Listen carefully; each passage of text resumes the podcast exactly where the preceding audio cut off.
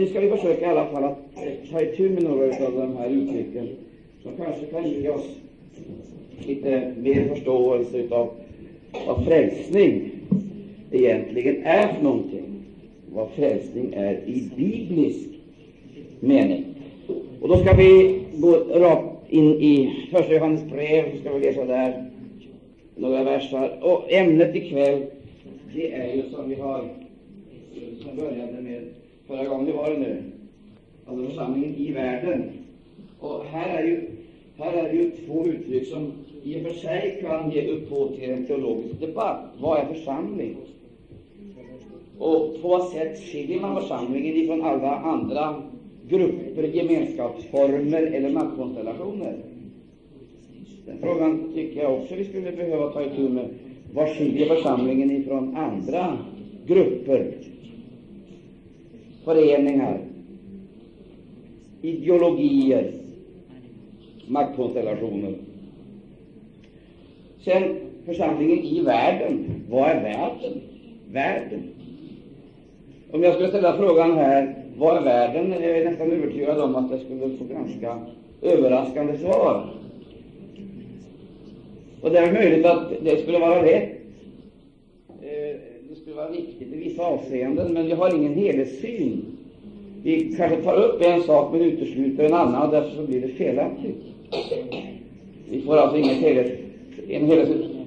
Då vi tar en sån här fråga, eller då vi lyssnar till ett sånt här budskap som Jesus för fram, då han säger den som tror och blir döpt ska bli frälst, eller också den som tror och är döpt ska bli frälst. Det står inte den som tror och är frälst ska bli döpt. Jag vill inte här ta upp en dopdebatt ikväll, därför att vi vet att teologerna har ju slitit håret av varandra eh, just i den här i, i de frågorna om dopet. Och vi ska inte engagera oss i den striden, men vi kan i varje fall inte på något vis underskatta eller bagatellisera dopet. Det ska vi ha klart för oss. Det har en väldig betydelse. Och då, men frågan är den, den som tror och blir döpt ska vara frälst. Frågan är vad frälsning är i det sammanhanget. Vad frälsning är. Jag tror att vi många gånger rör oss på ett alldeles för abstrakt plan. Alldeles för abstrakt plan. Därför så kommer det vi kallar för frälsning eh, att beröra vårt liv på ett plan, bara på ett plan, eller eh, inom en sektor av vår tillvaro. Men det är ju helt uppenbart att när Bibeln talar om frälsning, så talar den inte om frälsning i ett så begränsat avseende så det skulle röra ett område, utan den inkluderar ju, eh, jag skulle vilja säga, hela vår tillvaro. Men vi lämnar det därhän, och då konstaterar vi alltså att även begreppet värld kan ju inge oss en hel del funderingar. Och då kommer vi till underrubriken här, vi har kallat det för konflikt. Konflikt och uppgift. Alltså konflikt och församlingen i världen. Konflikt. Det är ju självklart att det är i och för sig ingen vettig, normal människa som eftersträvar konfliktorsaker. Konfliktorsaker, det tror jag väl inte. Men ändå så kan vi inte förneka det faktum att vi lever i en konfliktsituation. Och det sammanhänger inte med vår åskådning i och för sig, att vi har en, att vi har en exklusiv livsåskådning, trosåskådning eller någonting dylikt. Utan konfliktorsaken är livet självt. Det faktum att vi lever i en värld som är behärskad av döden är konfliktorsak nog. Eller vi skulle kunna uttrycka det så här. Det är just det faktum att Kristus lever i oss som är konfliktorsak. Så vi behöver inte ovanpå detta konstruera konfliktorsaker, utan det är Kristus i oss som utgör själva irritationsmomentet och som uppammar det gamla klassiska hatet emot korsets evangelium. Och ju mer verkligt detta liv är gestaltat i oss, ju mer kommer vi att uppleva det här. Men därför så får vi göra klart för oss att det förhållandet att församlingen är i världen och här gestaltar Kristuslivet, lever och förkroppsligar Kristuslivet, är konfliktorsak nog. Och då kommer dessutom ovanpå detta själva uppgiften, alltså själva uppgiften eh, kommer ju att förstärka den här konflikten eftersom det är frågan om att erövra, ta ifrån ett rike och överföra till ett annat. Två riken som aldrig på något sätt kan ingå några allianser, fredsförhandlingar, eftersom de är varandras oförenliga motsatser och lever i en konflikt. Men vi ska titta lite närmare på det. Ska vi läsa bibelordet? Vi kan gå till första. Ja, förresten, läste vi inte förra gången första Johannes brev, där vi möter den här apostoliska maningen. Så vi, vi borde, vi, utan att bli testuggare, så borde vi faktiskt, vi borde faktiskt smälta det här. Första Johannes brevs andra kapitel. Där säger ju aposteln så här: Älsken icke världen, ej heller vad som är i världen. Om någon älskar världen, så är Faderns kärlek icke i honom. Då du läser här, den här versen så upptäcker du att det handlar om två, som jag sa, oförenliga motsatser. De kan alltså aldrig förenas. Och det handlar om livskvaliteter, om du vill använda det uttrycket. Det är frågan om det, det, är samma, det använder samma begrepp för två oförenliga, eh, för två oförenliga företeelser. I båda fallen handlar det om kärlek, men det är frågan om, hela tiden frågan om ursprunget. Det är ursprunget som bestämmer arten. Och nu heter det så här att älsken icke världen, ej heller de ting som är i världen. Om någon älskar vad som är i världen, så är Faderns kärlek icke i honom. Här gör alltså aposteln klart att det ena utesluter det andra. Om man alltså bejakar det ena, då har man samtidigt förnekat det andra. Det är oförenliga, kan alltså icke på något sätt eh, samexistera under något samförstånd. Och Det tror jag är väldigt viktigt att vi tar reda på vad som är orsaken till att det är på det här, att det är på det här sättet. Vad är orsaken till att dessa passioner, lidelser, dessa krafter åstadkommer så, sådana våldsamma motsatsförhållanden? Men vi ska inte ta upp det riktigt ännu. Vi ska bara titta lite på vad Jesus säger om världen, för att vi ska få en liten förståelse av hur Jesus upplevde sin situation, sina relationer. Men om vi i, i exempelvis läser Johannes evangeliums 14 kapitel, så säger Jesus så här i den 17 versen. Sanningens ande som världen icke kan få. Observera uttrycket sanningens ande som världen icke kan få. Så läste vi med varandra älsken, älsken icke världen, ej heller vad som är i världen. Men om vi går till Johannes evangeliums tredje kapitel, vi behöver inte slå upp det nu utan bara citera det, så står det ju där, ty så älskade Gud världen att han utgav sin enfödde son på det att var och en som tror på honom skall icke förgås utan hava evigt liv. Ty så älskade Gud världen, heter det. Och i Johannes brev det heter det älsken icke världen. och nu har vi läst med varandra sanningens ande, eh, som världen icke kan taga emot. Jag eh, gör en liten parentetisk eh, kommentar här. Och lyssna nu speciellt på det jag säger. Ni förstår, ett faktum är att varje kraftfält, alltså där det överhuvudtaget existerar människor, en grupp människor, där finns det samtidigt ett kraftfält. Det är ett kraftfält som verkar attraherande eller frånstötande, beroende på hur vi upplever genom vår bakgrund stämningarna eller de tillfälligheter som kanske kan vara eh, orsaken till att vi påverkas just i det ögonblicket. Men så fort det är frågan om en människomassa så existerar det i denna massa ett kraftfält. Det är suggestivt och det skapar eh, olika reaktioner, olika mönster.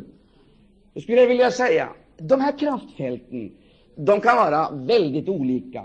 De kan vara renodlat religiösa eller irreligiösa. Det har ingen betydelse. De är ett kraftfält. Och de, eh, de engagerar oss till eh, eh, de engagerar oss positivt eller negativt. Det är ingen neutral zon. Och jag ska säga dig, det är sällan en grupp människor överlämnar åt individen att själv fatta sitt beslut. Vanligtvis är det så att vi av detta yttre kraftfält nästan förlorar vår egen personliga identitet och flyter in i det här kraftfältet. Och vi blir alltså istället för en massa enskilda individer en massa. De där kraftfälten kan manifestera sig på det psykiska planet. Till de psykiska manifestationerna är det kolossalt många saker som vi skulle kunna nämna. Jo, nu är det på det här sättet att alla de här kraftfästen har sina manifestationer och åstadkommer alltså sina reaktionsmönster. Jag ska ta ett exempel för det här. Men använd inte detta, för att vi måste göra klart för oss att utanför det här psykiska området finns det ett andligt område som manifesterar sig kanske genom liknande reaktioner, men har alltså en annan ursprungskälla. Och även om alltså mönstret är likartat, så behöver det inte betyda att källan är densamma. Och framför allt så är det inte alla gånger säkert att objektet är detsamma. Jag ska försöka förklara mig närmare när jag nu börjar bli lite filosofisk. Låt, låt mig säga det till oss allesammans här. Det ligger till på det här sättet att om jag nu sätter mig här och, och gör, gör, lite primitiva saker. Jag kan bara göra så här. Genast så blir ni trötta och frestas att gäspa. Och det är inte svårt att få en gäspande församling. Det är bara att ställa fram en trött predikant. Ingen av oss vill ju påstå att det är något under. Att ni gör som jag gör, det beror ju helt och hållet på psykiska orsaker. Det är alltså ett reaktionsmönster som vi nästan helt omärkligt så att säga flyter in i, och vi gör det oreflekterat. Jag kan Eh, säga andra saker. Jag kan alltså gå lite längre och säga att jag genom mitt budskap kan suggerera människor till ett visst beteende. Det är mycket allvarligt. Alltså, jag kan alltså med, rent, med, med sådana effekter få människor att göra vissa saker som egentligen inte är ett med deras personlighet, men som är någonting påtryckt utifrån. Det, det blir något krampaktigt och konstigt över det hela, men de gör det. Jag, jag, vet också att om jag är en livlig spirituell predikant här, som sätter igång här och lever, så börjar ni allesammans att le och se glada ut. Jag tycker att det var en livlig predikant. Han var rolig. Och jag skulle nästan kunna tro det att om jag kan illustrera vad jag här säger med olika gester och artikulerade på ett bestämt sätt, så är det lättare för er att höra på mig. Alltså, det vill säga, för då tycker ni det att han inte bara talar, utan han lever upp budskapet. Alltså. Då använder jag bara rent pedagogiska medel, eller psykologiska, psykologiska medel, för att få fram mitt budskap. Men det har ingenting med anda att göra. Icke. Det har mina naturliga talanger och gåvor, om jag har några. Och jag kan gärna sätta igång här, förstår ni, ha det riktigt trevligt här framme tillsammans med er.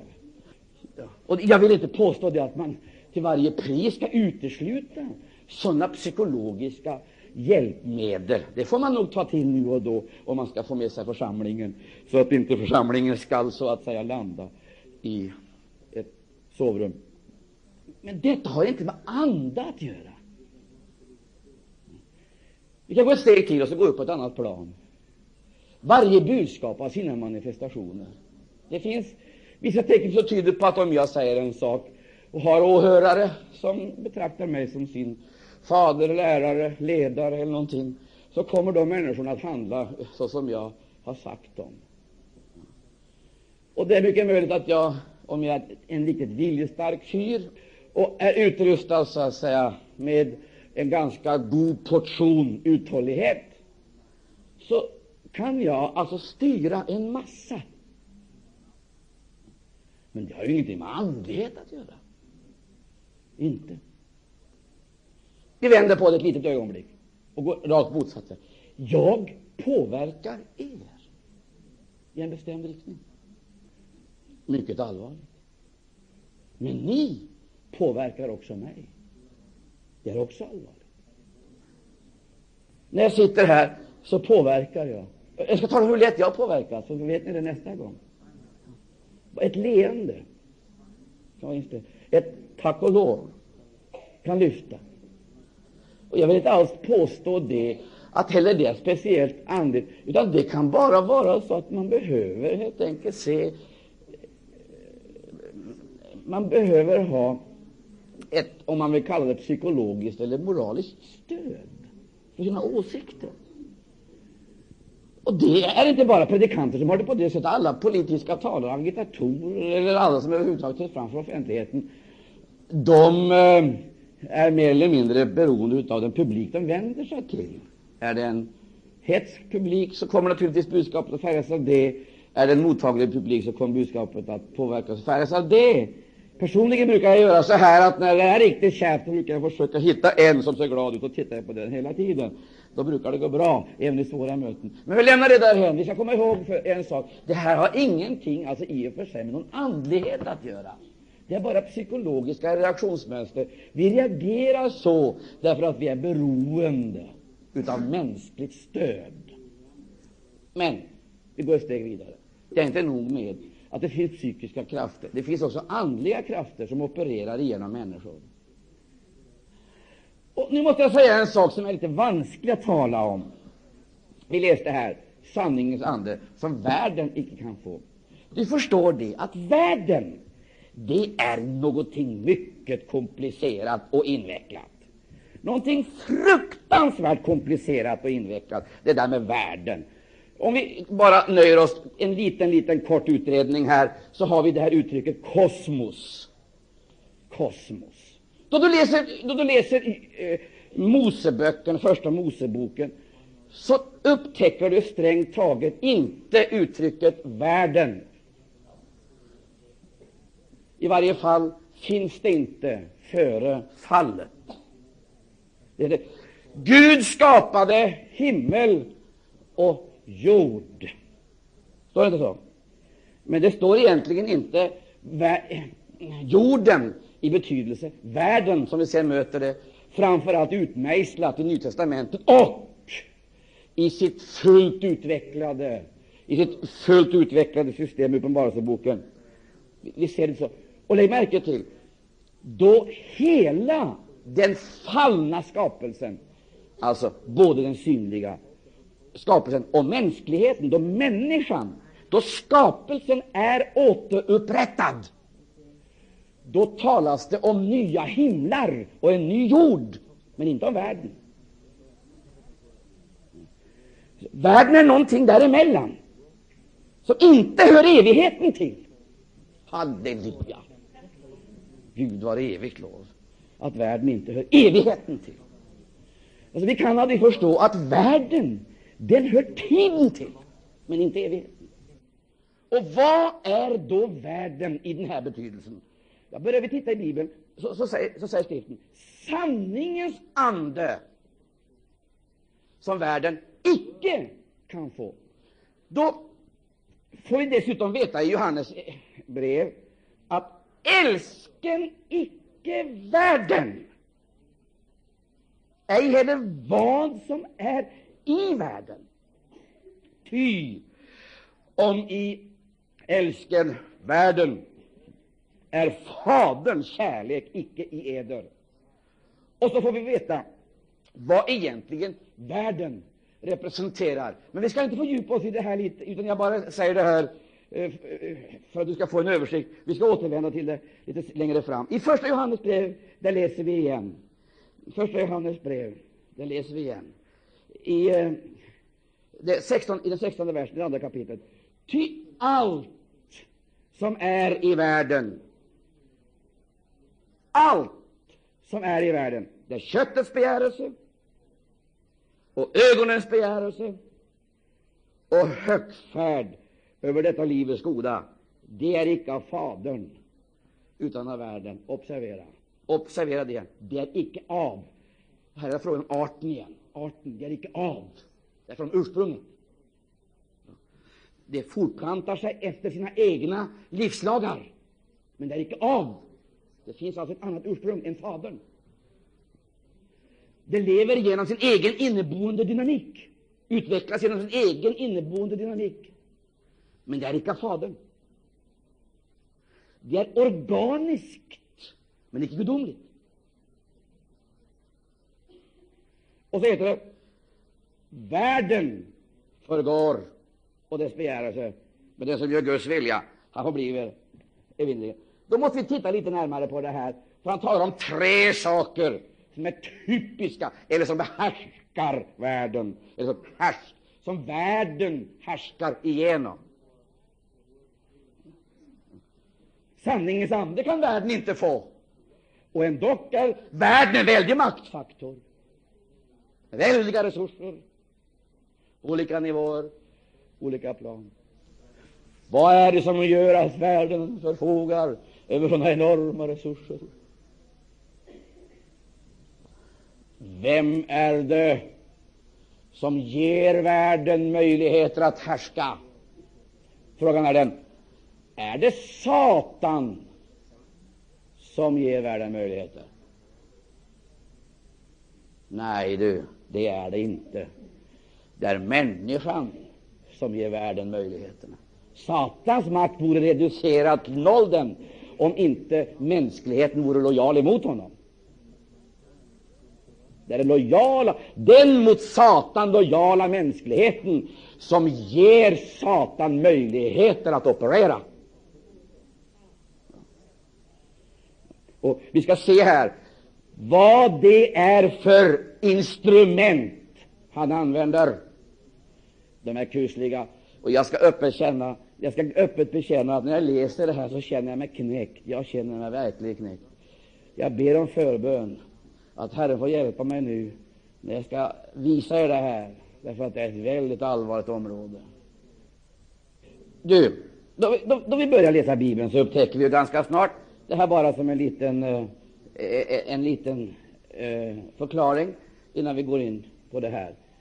Vi upptäcker ganska snart att den kristne helt plötsligt kommer i konflikt, i, i en konflikt som vi skulle kunna kalla för ett slags trefrontskrig Ja, det är otäckt, alltså, men det är faktiskt en trefrontstrid som vi får utkämpa. Det är en strid på tre fronter.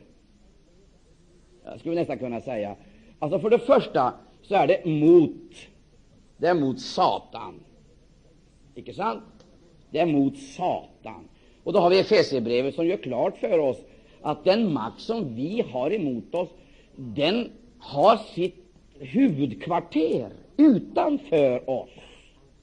Så vi kan inte registrera det med våra fem sinnen. Och Det är det som är otäcka. Vi kan inte se det med våra ögon. Och vi kan inte ta på dem. Och vi kan heller inte höra det med våra öron. Och vi kan inte lukta oss eller smaka oss till det. Och ändå så har vi dessa otäcka fiender omkring oss. Den omger oss. Och den här makten, den är utomordentligt väl organiserad. Organiserad i avdelningar Och, eh, i, eh, den har en väldigt eh, utomordentligt fin rangordning, och den fungerar perfekt. Och det enda som kan upplösa det organiserade motstånd som finns i luftrummet, det är Ja, vad är det? Vad är det?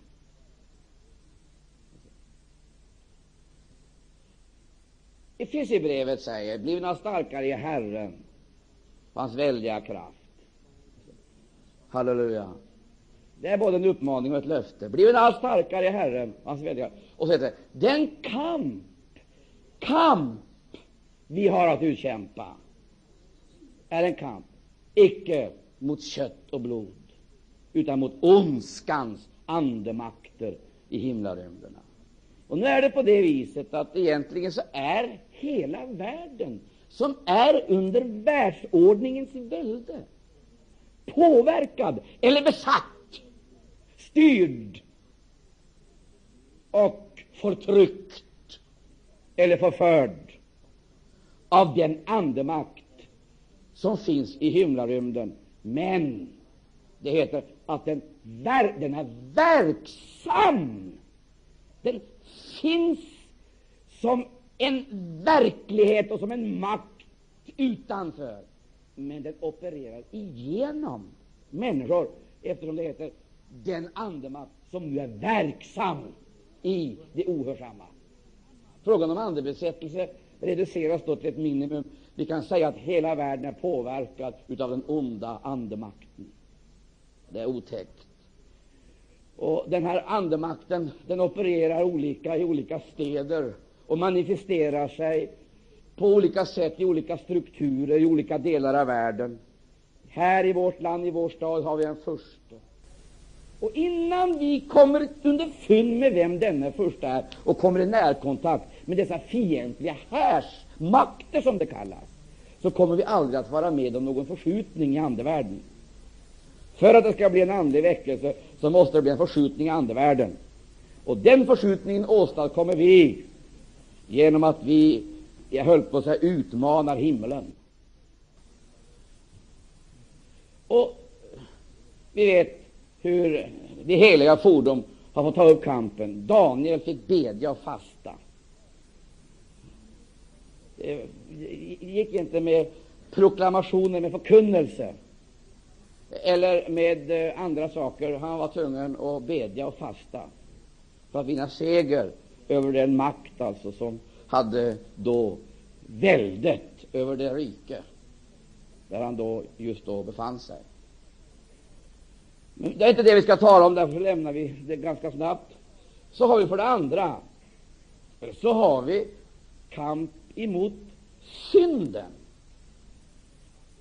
Emot synden. Det är inte på det andliga planet utanför, utan det är på det personliga planet. Det, det, det, är på det personliga planet, och här skulle vi kunna använda ett annat uttryck. Ett annat uttryck. Bibeln använder uttrycket köttet. och när jag tänker på synden här, så tänker jag inte i första hand på missgärningarna, även om det handlar om det också, utan jag i första hand tänker på det är den onda livsprincipen. Den onda livsprincipen, som är trons motsats och som har sin förutsättning i den gamla människan. För köttet, det är en livsprincip. Och då vi, då vi börjar titta på det här, vi, vi, vi gör en, litet, eh, en liten parentes här synden i betydelsen köttet, så upptäcker vi i, det första Johannes brev, där står det, där står det några saker. Det som finns i världen, allt som är i världen, ja, ögonens begärelse och köttet. Lägg märke där står det inte kött men köttets begärelse, där har du köttets manifestation ögonens manifestation och köttets manifestationer. Och så står det högfärd över detta livets goda. Nu hinner inte jag gå in på de där tre begreppen. Jag bara, jag bara skyndar mig att kasta in det här, därför att jag tror att det är viktigt att vi har det här något som är klart för oss. Att synden i den här betydelsen är egentligen en onda livsprincip som på ett alldeles, sätt, på ett alldeles speciellt sätt motarbetar Guds avsikt. Vad vill Gud? Vad sa Jesus? I världen liden i betryck, men frukta icke, ty jag har övervunnit. Alltså, det var ingenting som skulle ske på korset, utan han säger, jag har övervunnit. Det var alltså någonting som redan var ett faktum. Det hade alltså inte med Jesu död att göra, det hade med Jesu liv att göra. Hör du det? Det hade icke med Jesu död att göra. Så det kunde alltså inte gälla synden i den meningen, utan det gällde, det gällde en livsprincip. På vad sätt hade Jesus övervunnit världen? Han hade övervunnit världen genom att göra Guds vilja. Kan man säga amen till det? Vad underbar Jesus är. Vad underbar han är. Alltså, han gjorde icke Guds vilja först då han kom till Getsemane. Då han sa ”Ske icke min vilja, utan din”. Utan där handlar det om en invigning till en uppgift. Han hade blivit människa, och såsom människa enligt Filipperbrevet 2 han hade bevisat sig vara sann människa, och som människa var han den ende som hade gjort Guds vilja. Som man hade han gjort Guds vilja. Hade svikit på en enda punkt. Han blev människa, som människa Guds vilja. Sen så invigdes han i Jordan. Där invigdes han till ett översteprästligt ämbete. Dopet, där bilden på koppar, på kopparbäckenet eh, eh som stod i helgedomen. När översteprästen invigde sin översteprästliga gärning, då tvåddes han i kopparbäckenet. Halleluja! Och så smordes han med olja, och så var han invigd till överste tjänst. Och så gick han in i det allra heligaste, och så blev han, ära vare Gud och Lammet, folkets förmedlare. Nå, men Jesus, han hade ingen sån symbolisk yttre helgedom. Men han döptes i Jordan. Där invigdes han den överste prästliga gärningen. Och där kom också duvan ner över honom, bilden på den heliga Ande. Han hörde, och de hörde, detta är min son. Var det inte så? Älskade son, vilken jag har behag. Hör honom. Så döptes han, så invigdes han där, alltså till sin prästerliga tjänst. Och så var han då i denna prästerliga gärning ända fram till Getsemane, då han överlämnar sig åt döden och inte bara blir präst, men blir offer. Så vi ser alltså att Jesus är fullkomlig som människa. Är han det, så säger amen. Han är fullkomlig som präst. Är han det, så säger amen. Men han blir också offer, och han är fullkomlig som offer. Det vill säga, Gud godkänner honom som offer. Han är utan fläck, utan något, någon brist. Och så blir han offret som då bärs till altaret. Ära vare Gud. Och då han så att säga dör, så brister templets förlåt och en ny väg är öppnad in i det allra heligaste, dit han själv går, icke med bockars och kalvars blod, utan med sitt eget blod. Gick han in i den himmelska helgedomen och vann en evig förlossning. Tror du det, så säger jag amen. Ja, men det är ju väldigt underbart att ha det så. Nå, men vi lägger alltså märke till då Jesus här i Matteus talar om att i världen lider ni betryck. Så säger han, frukta icke, jag har övervunnit världen. Och då vill jag verkligen poängtera, utan att jag dröjer inför det, Jesus vann seger över världen genom att göra Guds vilja.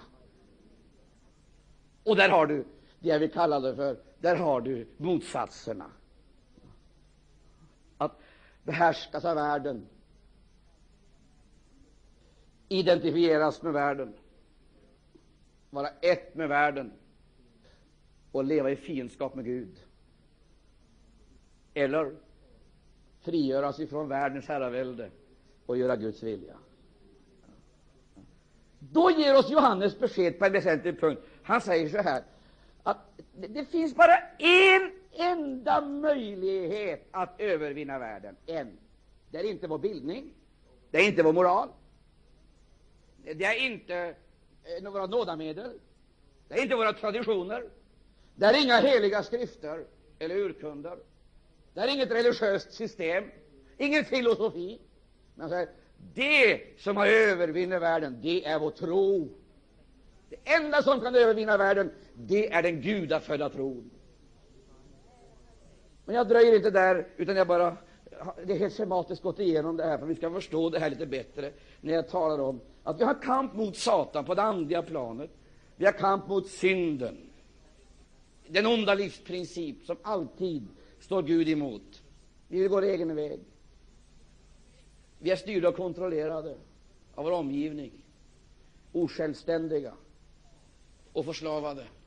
Far, mor, syskon, vänner, kolleger, eh, troende vänner. Tänk att till och med de troende vännerna kan stå i vägen. Tänk att till och med kyrkan kan stå emellan dig och Kristus. Predikanten kan stå emellan dig och Kristus. Det finns en mellannamn mellan Gud och människan, det är Jesus. Och finns någon däremellan, dig och Kristus, där fel någonstans, då kan du aldrig göra Guds vilja. Du kan bli en lydig tjänare åt en människa, åt ett system.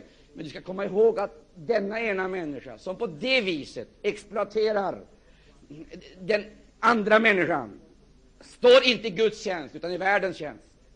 Du måste komma ihåg det. Ty vår uppgift, det är icke att fungera istället för dig, utan vår uppgift, det är att föra dig till Kristus, lotsa dig fram till Kristus.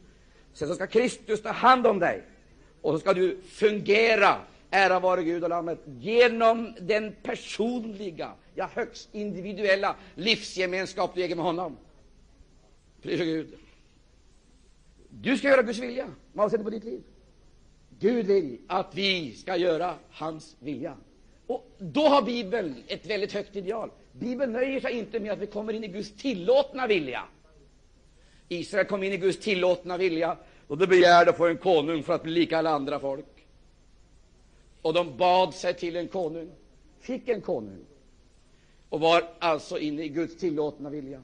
Men Romarbrevet 12 ger oss ett annat ideal, icke bara att uppleva Guds tillåtna vilja, utan hans fullkomliga vilja. Hans välbehagliga vilja vill Gud att vi ska förverkliga i våra liv. Frågan är det möjligt? Synden är alltså den onda livsprincip som så att säga hela tiden protesterar emot Guds uppenbarade vilja. Och det är just på det här sättet vi, vi ser det. Vi, om vi läser nu, går tillbaka till, till eh, första Johannes igen, så var det frågan om allt som är i världen, det är köttets begärelse. Och sen så är det ögonens begärelse, högfärd över detta livets goda. Det här är alltså allt som är i världen. Det är köttets begärelse. Vi kan tänka oss grunddriften som vi har i vårt eget väsen, som kan missbrukas och fördärva vårt eget och andras liv. Fortplantningen. Vi har tre exempel i skriften på det här, på de här sakerna. Tre exempel som på ett alldeles speciellt sätt åskådliggör för oss hur det kan vara med en människa. Hur kluven hon kan vara och hur hon kan så att säga vara eh, behärskad av dessa inneboende. Köttets begärelse, fortplantning, erotik, njutning, alltså att njuta. Ögonens begärelse, ögonens begärelse. Det handlar inte om att njuta, det handlar om att äga. Och här har du makten. Makten, förstår Det finns en väldig makt. Njutning, begäret att njuta. Och det är just detta i vårt väsen som världen spelar på. Och världen har verkligen resurser att spela på det genom världens ande. Ja. Här är det alltså då frågan för det första njuta. Köttets begärelse. Och det, när jag använder de här uttrycken här så gör jag det i sammanfattande betydelse. Det finns naturligtvis ett väldigt brett register här av detaljer och fenomen som man skulle kunna ta upp, men jag hinner inte med det, utan jag överlämnar åt ett eget, eget studium.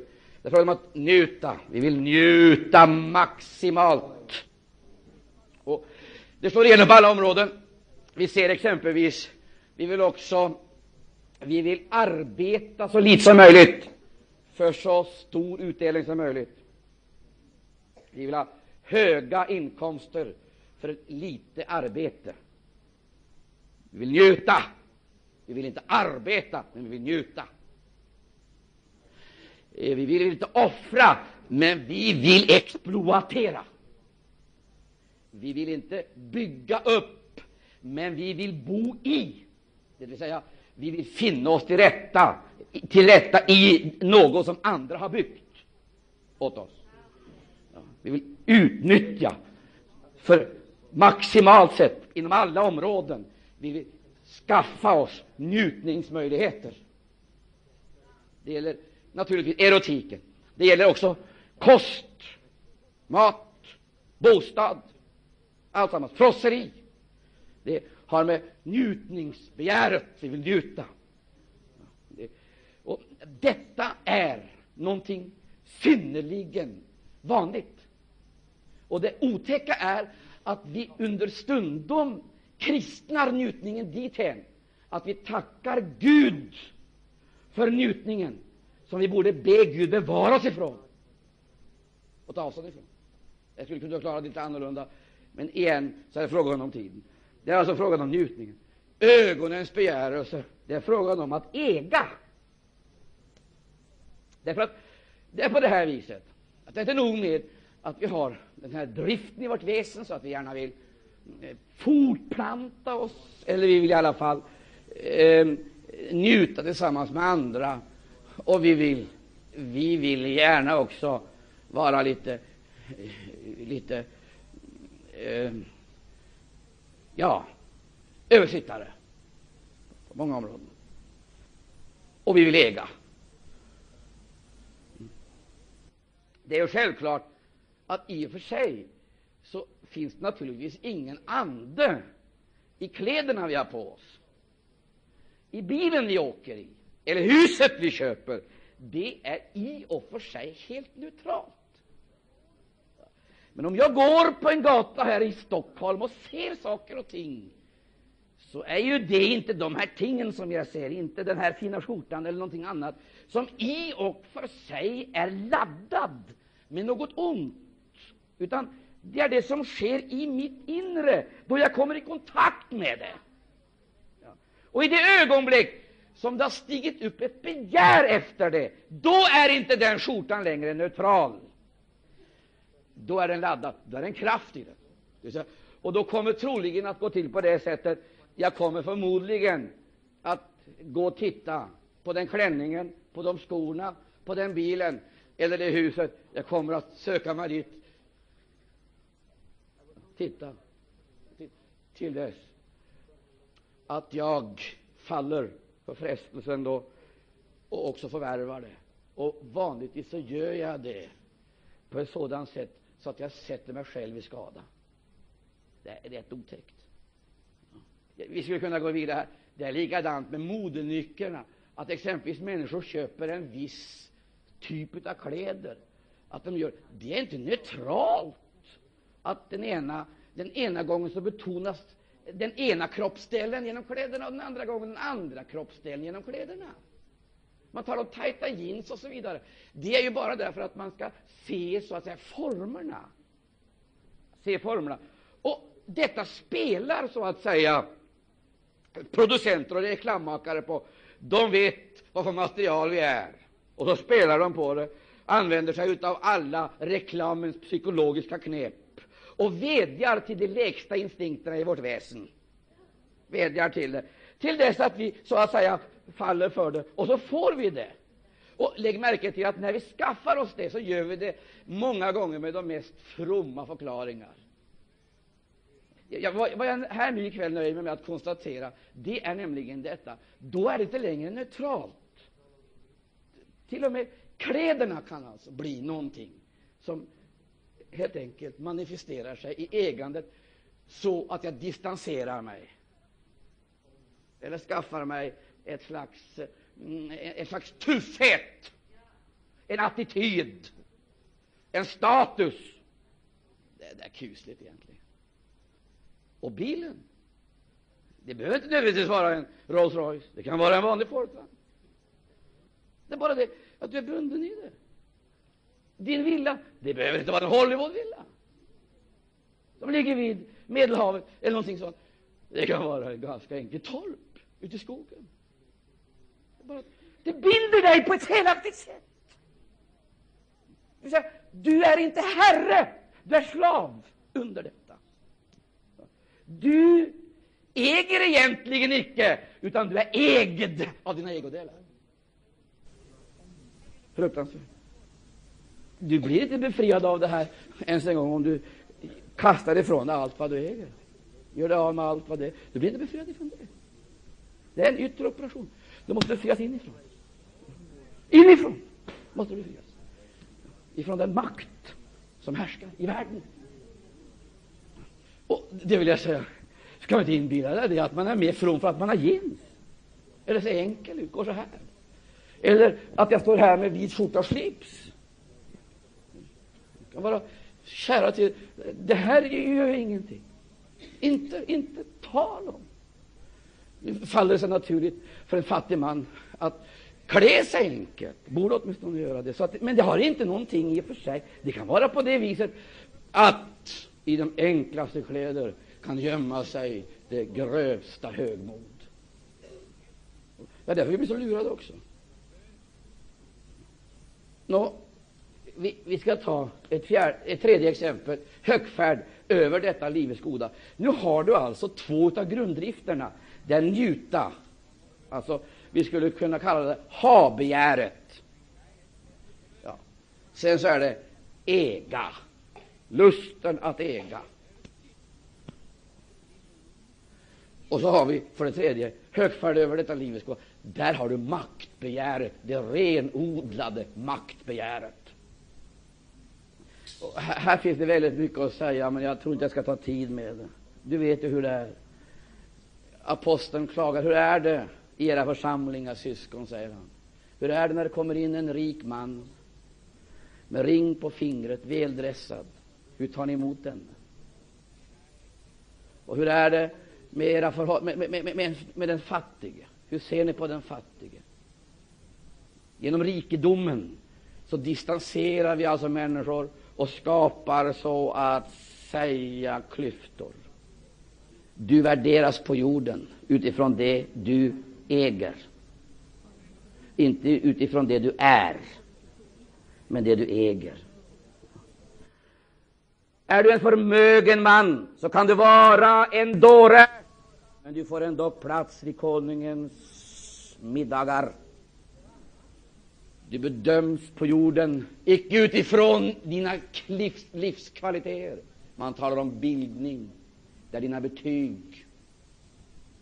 Dina betyg. Akademiska meriter, grader, betyg. Dina ordinationer. Det är det som värderas i världen. Men skriften säger icke många mäktiga, icke många visa icke många rika. Men det som ingenting var, halleluja, det tog Gud hand om. Stämmer det, så säger jag amen. Men det var inte därför att han skulle hålla oss nere, utan därför att han skulle ställa fram ideal, verkliga ideal på livskvaliteter, på livskvaliteter han skulle ställa fram sanna, hela, harmoniska människor som icke klassificeras utifrån det de äger, men utifrån det de är i Jesus Kristus. Du bedöms på ett sätt om du har en folkvagn, på ett annat sätt om du har en Mercedes, på ett tredje sätt om du har en Rolls Royce. Du bedöms på ett sätt om du har ett torp, på ett annat sätt om du har en farm. Du bedöms på ett sätt om du heter Andersson eller Pettersson, på ett annat sätt om du heter Wallenberg. eller von, den och den. Du bedöms alltså utifrån din släkt, din bildning, det du äger. Värderas du i världen. Detta ger dig makt. Den makten hör världen till och ligger utanför Guds rike. Halleluja. Helt utanför Guds rike. Och innan människan kan bli frälst så måste hon avväpnas detta. För att ingen köper sig in i Guds rike. Ingen dresseras in i Guds rike. Ingen bildas in i Guds rike. Man föds in i Guds rike. Ära vare Herrens underbara namn. Nå, jag ska bara helt kort nämna de här tre exemplen som vi har i skriften som på ett alldeles sätt personifierar de här tre, jag skulle vilja kalla grunddrifterna, grunddrifterna i människan. Maktbegäret, njutningsbegär, ha-begär, maktbegär. Kom ihåg det. Det är de tre ting som finns i världen och som hela tiden dessa makter så att säga spelar på för att leda oss vilse in i ett allt djupare gudsförakt och ett allt djupare mörker. Du, njutningsbegär, habegär, maktbegär. Om vi börjar med maktbegär, Saul, Israels första konung. Det är två epoker i hans liv. Den första epoken som kännetecknas av det här Anden var över honom. Och det heter att då henryckningen, då hänryckningen hade upphört, så återvände han till offerhöjden. Och där offrade han på nytt åt Gud. Och genom detta så levde han i förnyelsen. Men så kommer dagen då han når gränsen som han går över han förgriper sig på Guds verk. Han var smord till konung, men inte till präst. Så träder han in i ett annat ämbete, gör sig skyldig till maktmissbruk. Och när profeten förehåller honom hans synd och säger jag kan inte ställa mig fram med dig framför folket, då blottar han hela sin inre värld. Och så blir det klart för honom var synden en prestigefråga. Prestigefråga. Och han vädjar till Samuel att han skulle ställa, att han skulle följa med honom inför folket för sin prestiges skull. Han dukade under för maktbegäret och gick förlorad. Synden var en prestigefråga. Ögonens begär, ha-begäret, där har du profeten. Biliam som åstundade spådomslön. Han kunde inte förbanna Israels folk. Det kunde han inte. Utan han utbrast i en underbar lovsång och välsignade Israel och såg stjärnan, den underbara stjärnan han såg i en profetisk vision Jesus träda in i historien ur detta folk. Han kunde inte förbanda, men han kunde förföra. Du kan läsa om honom som står såsom vägvisare för ett helt släkte. Det står om Biliams väg, om Kains väg, som alltså missbrukade på grund av ha-begäret den gåva han hade mottagit. Det finns tusentals av liknande exempel i historien. Har du läst om profetlärjungen i det kapitlet där det står, där vi kan läsa om hur en hedning blir en sann jude? Den första delen av kapitlet. Men i samma kapitel kan vi också läsa om hur en jude blir en kvalificerad hedning, Gehazi. Alltså, vi måste göra klart för oss att Guds, Guds erbjudande den ställer oss inför ett väldigt ansvar att vi brukar det på ett rätt och sant sätt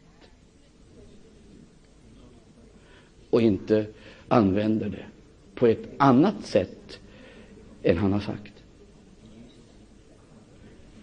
David, som också stupade, men det står om David, han var en man efter Guds hjärta.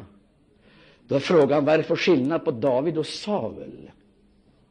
För Saul var synden en prestigefråga, men David utbrister, mot dig allenast har jag syndat.